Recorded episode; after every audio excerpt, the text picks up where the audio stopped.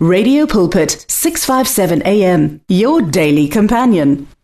I greet you today in the name of Jesus. I am Pastor Jones Maleka from Radio Pulpit in Pretoria, South Africa. Family, thank you for joining us today. I would like to teach on this subject using our faith. We need to listen, listen, listen, listen. Give attention to the word. If we listen to everything else around us, watching TV all day, watching every new movie that comes out, soaking it all in, I can tell you right now, eventually we will become hypnotized to accepting all the garbages that goes into our heart. It will produce bad harvest in our life, in our lives. Apostle Theo Wolmarans said years ago, the mother of one of our pastors, a dear old saint, was about 90 years old and was dying. She was in and out of a comatose state. In the hospital, she cast instant she cast incessantly. Incessantly. Using all sorts of four letter words that would make a sailor blush he said i wouldn't dare want to remember them. But here was this beautiful saint of god cursing and swearing.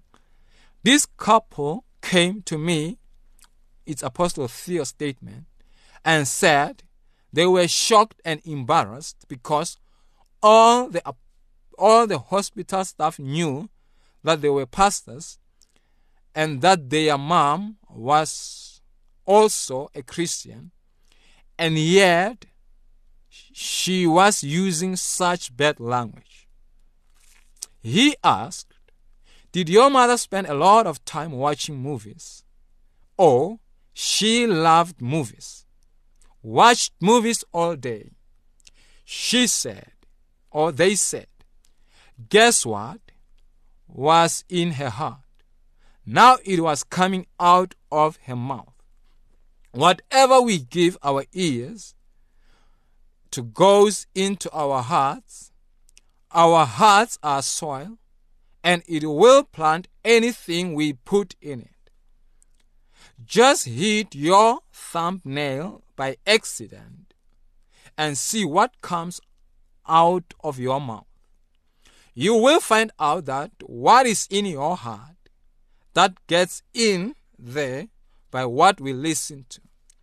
Take heed how you hear. Jesus said, Raise your right hand and say this Whatever I give you, whatever I give my ear to, goes into my heart.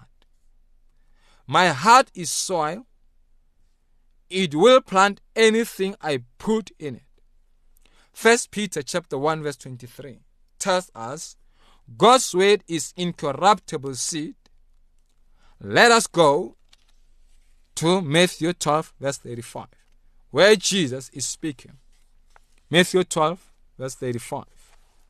New King James Version.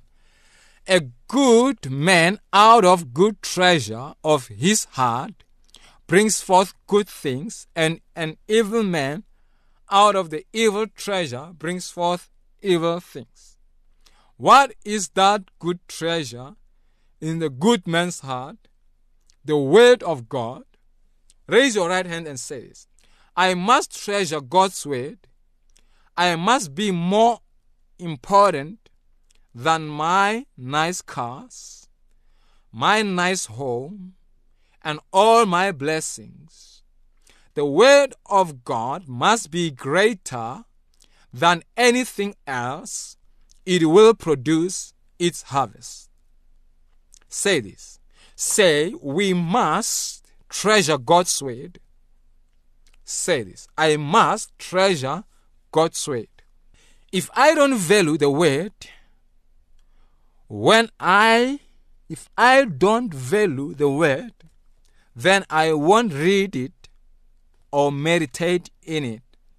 Then it is not treasure to me. If everything else is more important, and I say, Oh, I didn't have time to get into the word today, but I will try to find a little time tomorrow. It is not a treasure.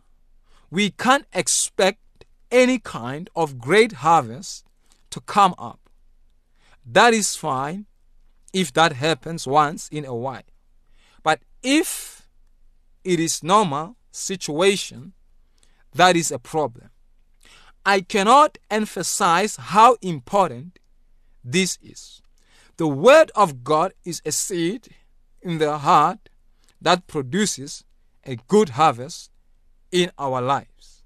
That is why God said, The good man out of the good treasure of his heart brings forth good things.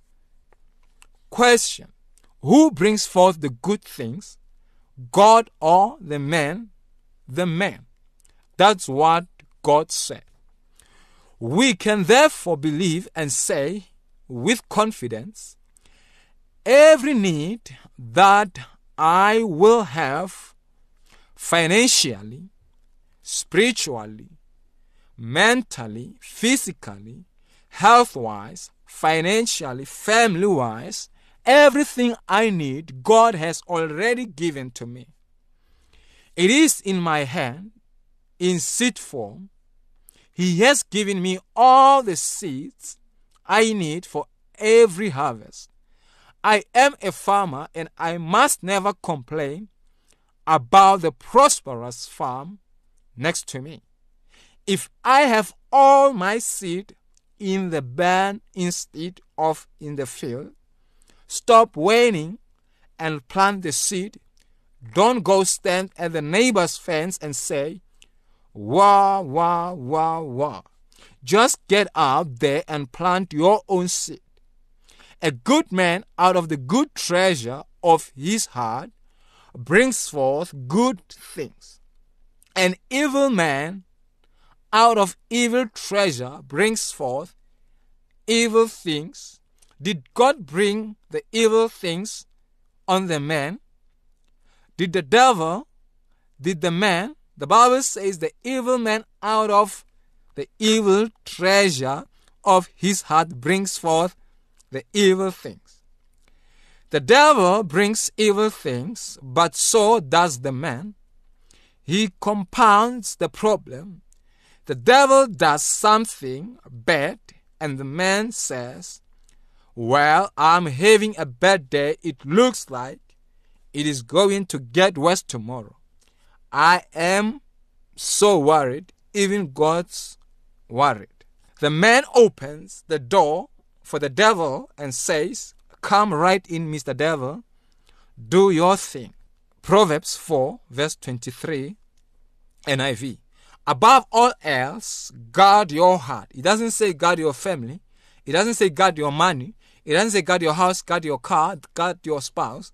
It says above all else, guard your heart, for it is the wellspring of life. If God says we have got to look after something, that means it is, it is important. He is giving us, He has given us many things to look after, but the one we have to protect more than anything else is our heart.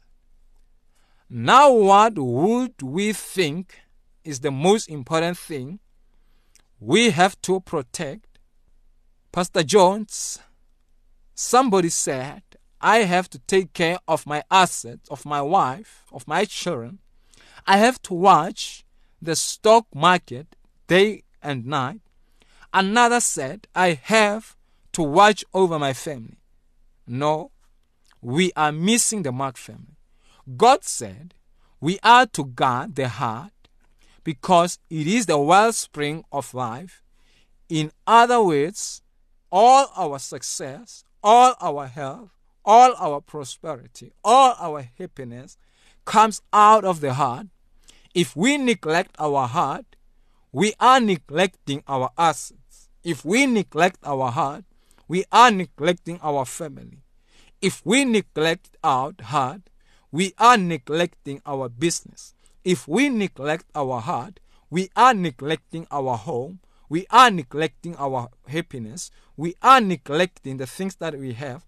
All of these come out of our heart. The soil is the place that produces all of that. So, raise your right hand and say this. Say, Thank you, Jesus. I am blessed. I am anointed. I am victorious. The Spirit of God is upon me. Say this I am blessed coming in and blessed going out. I am blessed in the city. I am blessed in the field. I am above only, not beneath. I am a winner. I am highly favored. I am blessed and highly favored. Everybody wants to do things for me wherever I go. They love me, want to help me, and want to bless me. They want to give things to me. Everywhere I go, I get discounts. I am blessed to be a blessing to others. I am blessed to be a greater influence for the gospel of Jesus. I am victorious. I am more than a conqueror. Let me pray for you right now. Before I pray for you, say this with me. Say, Thank you, Jesus. You died for me on the cross and rose from the dead. On the third day, I am born again. I am spirit filled. The anointing of God is upon my life. Whatever I touch is blessed. I choose to speak life, positive words. Let me pray for you. Father, in the name of Jesus, I pray for them, oh God. I decree and I declare that, Lord, the Spirit of God is filling them right now, guiding them in this journey, empowering them, oh God.